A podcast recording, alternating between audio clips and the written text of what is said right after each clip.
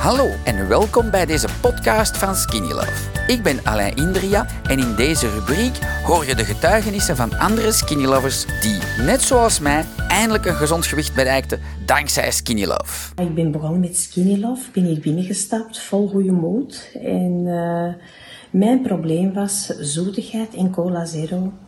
En ik heb met Jurgen gepraat en Jurgen heeft mij echt overtuigd dat het zou helpen. En inderdaad, ik ben die dag begonnen.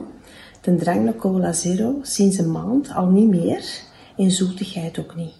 Het is een fantastisch product. En je bent onmiddellijk gestopt met de onmiddellijk, cola Onmiddellijk. Ik ben hier buiten gestapt, ik ben mijn shake beginnen drinken en sindsdien zijn mijn ogen, ja, ik schrok ook. Ik had gewoon een drang niet meer.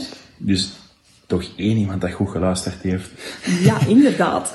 en je gaat nu de fruity kopen, heb ik eh, verstaan. Je, je hebt die ook geproefd hier in de winkel.